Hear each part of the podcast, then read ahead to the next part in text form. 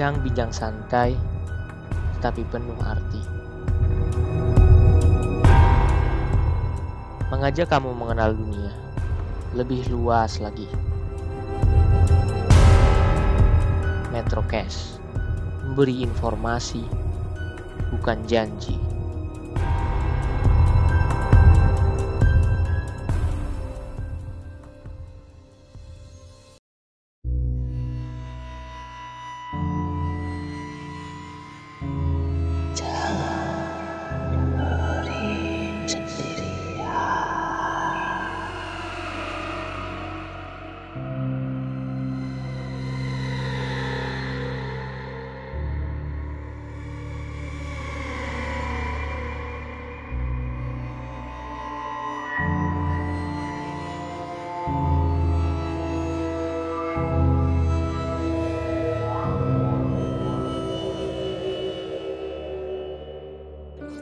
Selamat datang di Metrocast sesi horor. Selamat datang Meters. Kali ini topik podcast yang dibawakan akan berbeda dari sebelumnya. Pada kesempatan kali ini, saya Reza Puspita berkesempatan untuk membacakan sebuah cerita horor dari salah satu teman saya yang bernama Ayu. Selamat mendengarkan.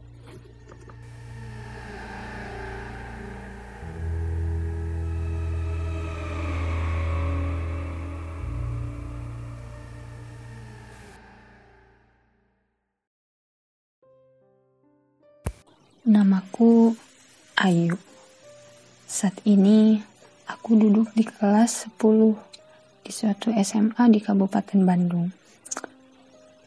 Karena aku senang pelajaran yang berhubungan dengan alam, maka aku mengambil jurusan IPA. Pada suatu hari, organisasiku mengadakan kegiatan camping di suatu hutan. Dan kegiatan itulah yang membawaku ke pengalaman mengerikan ini. Pengalaman ini aku alami beberapa tahun yang lalu saat akan melakukan camping itu. Tepatnya pada hari Kamis, aku pergi dengan teman-teman ke tempat wisata alam dengan berjalan kaki. Namun, sebelum aku berangkat, banyak sekali gangguan yang janggal, seperti tidak mendukung untuk kepergianku. Tapi aku tetap melanjutkan kegiatan ini. Yuk, ayo nih, lama banget sih. Alin memanggilku dari luar rumah. Setelah aku selesai menyiapkan barang-barang, Aku pun bergegas menghampiri teman-temanku. Karena letak lokasi yang akan kami tuju tidak terlalu jauh, maka perjalanan kami dimulai saat setelah sholat Isya. Saat di perjalanan, aku jatuh dan agak sedikit terluka. Saat itu aku berpikir, apa ini tanda agar aku tidak ikut camping ini ya? Tetapi kami sudah terlanjur dekat dengan tempat itu. Maka aku pun terus melanjutkan perjalanan ini. Kami pun menyusuri sawah yang berlubang dan juga lincir karena banyak lumpur. Dan tidak ada satupun penerangan di sawah ini selain dari senter yang kami bawa.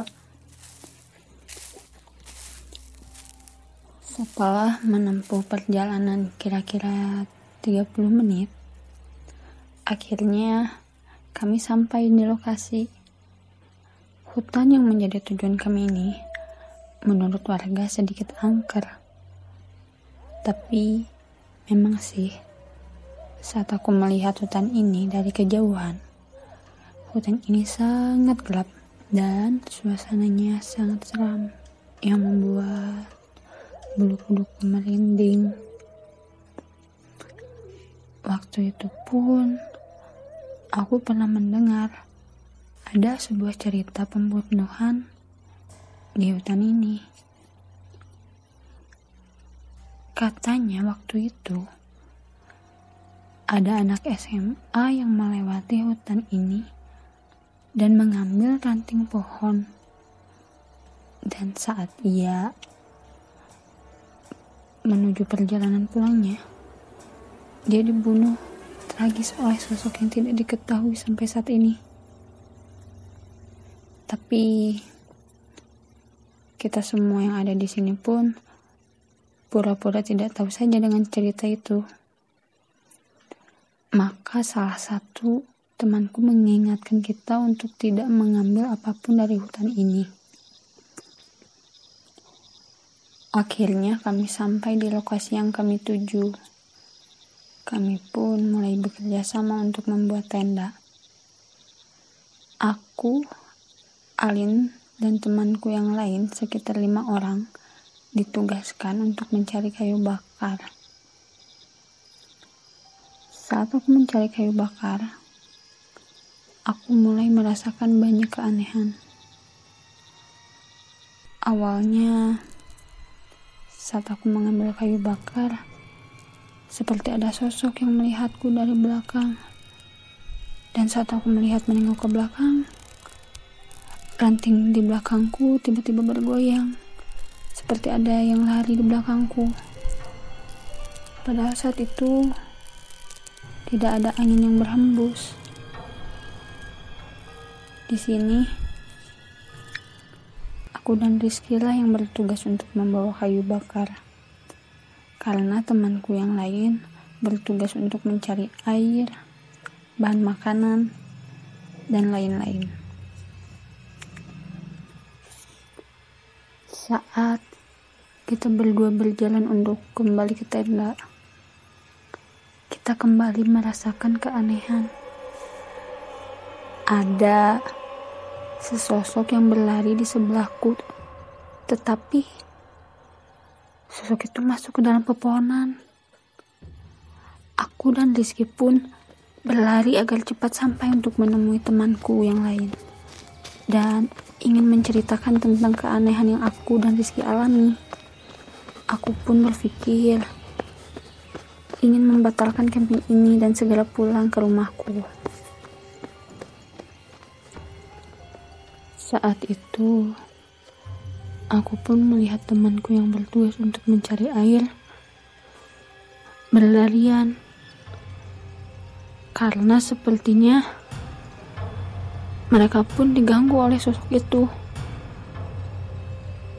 Aku pun menangis. Tapi teman-temanku yang lain mencoba untuk menenangkanku.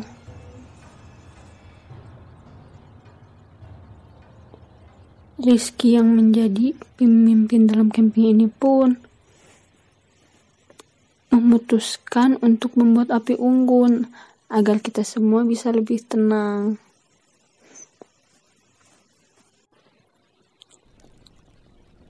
Api unggun sudah kita buat. Kita pun duduk melingkar sambil menghangatkan tubuh. Dan kita pun mulai memasak air. Sambil menunggu air itu masak, kita pun bercanda saat itu. Aku pun sudah merasa tenang saat ini. Setelah cukup lama kita bercanda, air yang kita masak tidak kunjung matang. Kami semua pun merasa aneh. Salah satu temanku pun memeriksa airnya. Lalu dia seperti bingung dan aku pun menanyakan, "Kamu kenapa, Ki?" Dia hanya menggelengkan kepalanya, seakan tidak ada yang membingungkan. Lalu dia pun menyuruhku untuk mencoba air itu. Anehnya, air itu tetap dingin.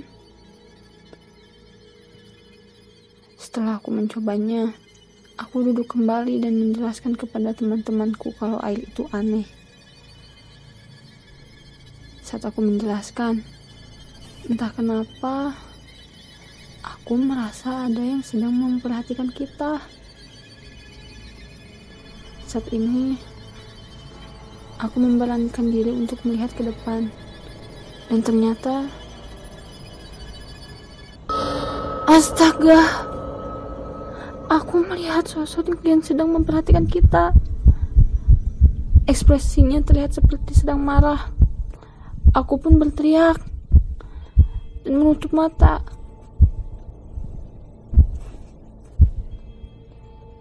Karena hal tadi, Rizky menyuruhku dan perempuan lainnya untuk segera masuk ke tenda untuk beristirahat. Sementara laki-laki akan berjaga setiap satu jam sekali secara bergantian. Waktu pun telah menunjukkan pukul 12 malam. Aku terbangun karena ingin buang air kecil. Lalu, Rizky mengantarku ke toilet yang letaknya tidak jauh dari tenda. Aku sedikit ketakutan juga saat itu. Tadinya, aku memilih untuk menahannya, tapi saat itu aku tidak bisa menahannya dan memutuskan untuk pergi ke toilet walaupun aku merasa takut. Jika nanti sosok itu muncul lagi, Rizky pun membangunkan salah satu teman laki-laki untuk menjaga tenda karena Rizky saat itu harus mengantarku ke toilet.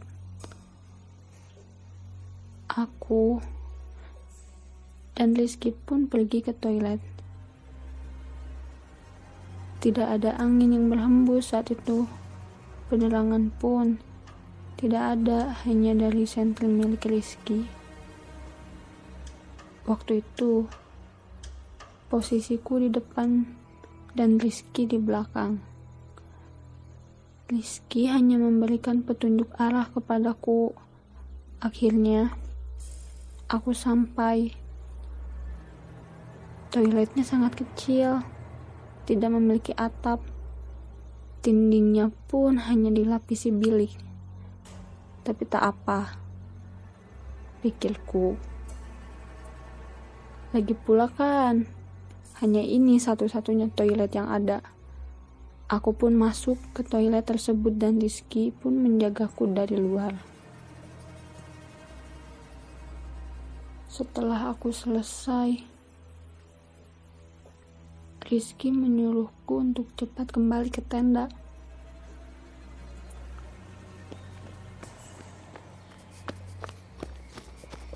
Aku melihat wajah Rizky seperti ketakutan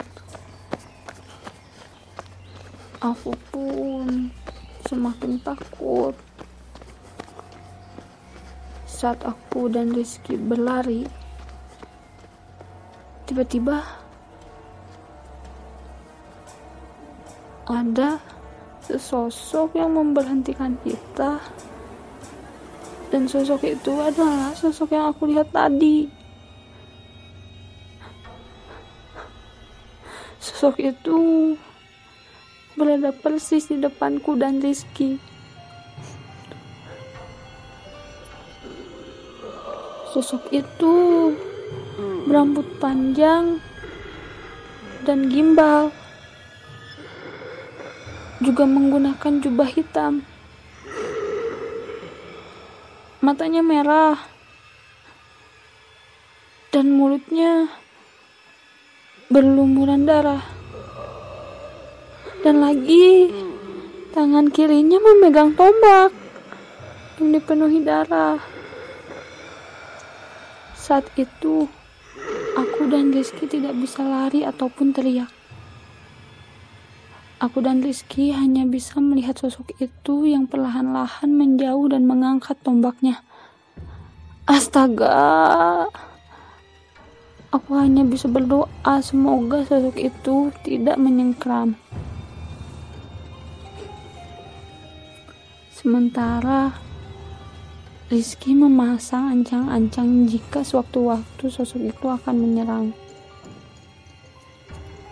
Tapi tak lama kemudian, salah satu teman kita datang dan sosok itu pun hilang entah ke mana.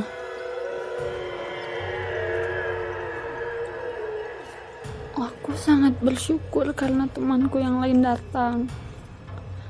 Lalu kami pun langsung bergegas untuk kembali ke tenda. Di situ, aku dan Rizky tidak menceritakan kejadian tadi kepada siapa pun. Dan akhirnya, waktu telah menunjukkan jam 4 subuh. Di sana Rizky membangunkan yang lain untuk bersiap-siap untuk pulang ke rumah. Setelah kita semua sudah siap untuk pulang, aku melihat sosok itu lagi di jalan ke arah toilet tadi. Tetapi saat ini sosok itu tersenyum dan dia terbang menggunakan jubah itu dengan cepat. Sampai aku pulang pun, aku terus bertanya, siapa sosok itu? Pertanyaan ini tak bisa aku jawab sampai saat ini. Jika sosok itu bukanlah manusia, lalu siapa dia? Apakah dia siluman? Entahlah.